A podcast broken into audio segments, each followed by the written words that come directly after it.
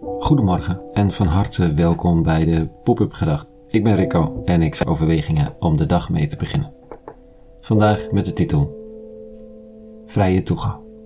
Pop-up Gedachten woensdag 19 oktober 2022.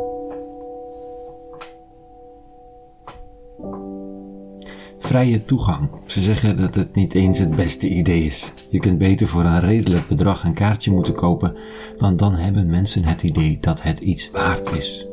Het is fijn als het iets moet kosten. Gratis is zomaar goedkoop. Gek eigenlijk dat we die aan elkaar koppelen. Terwijl we in de praktijk weten dat gratis helemaal niet goedkoop hoeft te zijn. Maar ja, we werken er nou eenmaal liever voor. Als kind al. Dat je bij gedoe met je ouders en schuldgevoel even het beste beentje voorzet om de liefde van je ouders terug te winnen. Terwijl die liefde al lang bestaat en heus niet meer wordt van een extra gepoetste auto of een mooi opgeruimd huis. Zeker niet als het uit schuldgevoel is over iets stoms dat je hebt gedaan.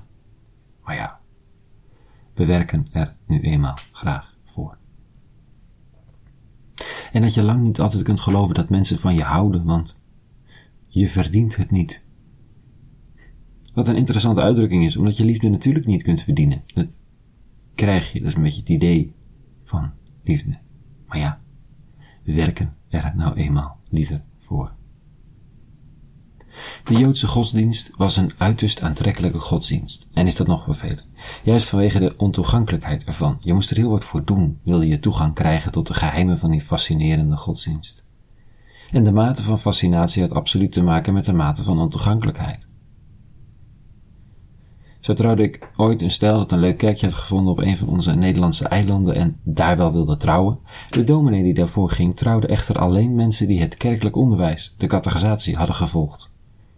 En zo gingen die mensen een jaar lang met de hoogst mogelijke motivatie naar de kerk om daar onderwijs te krijgen. Ze vonden het fantastisch gemotiveerder dan de mensen die al lang lid waren van die kerk en ook dat onderwijs volgden. We werken er graag voor. Maar er is een probleem, want du moment dat we ervoor werken is het niet meer liefde, of genade, of onvoorwaardelijkheid. En daar wordt het ingewikkeld. Paulus de apostel vertelt vandaag over zijn roeping en het leven. En dat is dat hij de nieuwe werkelijkheid inluidt waarin de God van Abraham, Isaac en Jacob vrij toegankelijk is voor mensen van wat voor achtergrond dan ook. Of je nu je handen hebt gewassen, rituele reinigingen doet, besneden bent of niet, vrije toegang. Dit staat er. Zo was zijn eeuwig voornemen dat hij uitgevoerd heeft in Christus Jezus, onze Heer. In hem hebben wij door het geloof in hem, vol vertrouwen, de vrije toegang tot God. Dus, zo zegt Paulus, dit was altijd al het plan, vrije toegang voor iedereen. Het is vrij radicale taal hoor, voor deze Joodse man. Uiterst rebelse vernieuwing voor zijn tijd. En misschien nog steeds wel. De een concludeert dat het wel niet relevant zal zijn, want het is gratis en voor iedereen. Een ander verliest interesse, want als het al beschikbaar is, dan kun je er dus niet voor werken. Geen vereiste vaste dagen, geen moeilijke rituelen, behalve dan dopen als intrederitueel maar het kan altijd en overal met een beetje water. Wat is de liefde waard als je er niet meer voor kunt werken?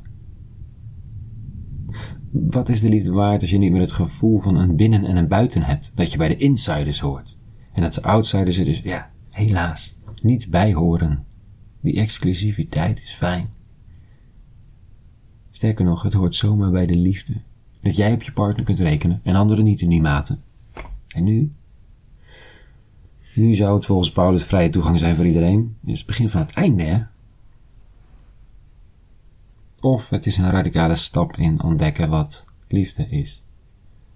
Dat je er dus in principe niet voor kunt werken.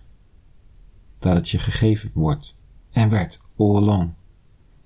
Dat je geen controle hebt over degene die lief heeft. En dat hij ook anderen lief heeft. Mhm. Dat het angst uitbandt en groepjesvorming. Dat liefde haaks staat op nationalisme.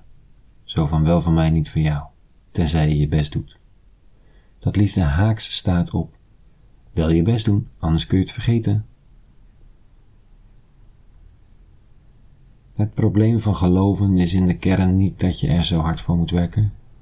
want in dat geval is het geen geloof. Het probleem is dat je er niet voor kunt werken, maar dat het gegeven is. Geen prestatie, dus geen succesgevoel, geen wij versus zij, alleen ontvangen.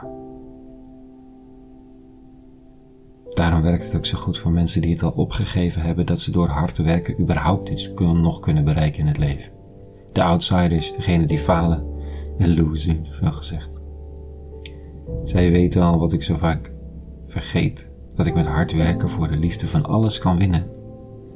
Behalve liefde en genade en geloof.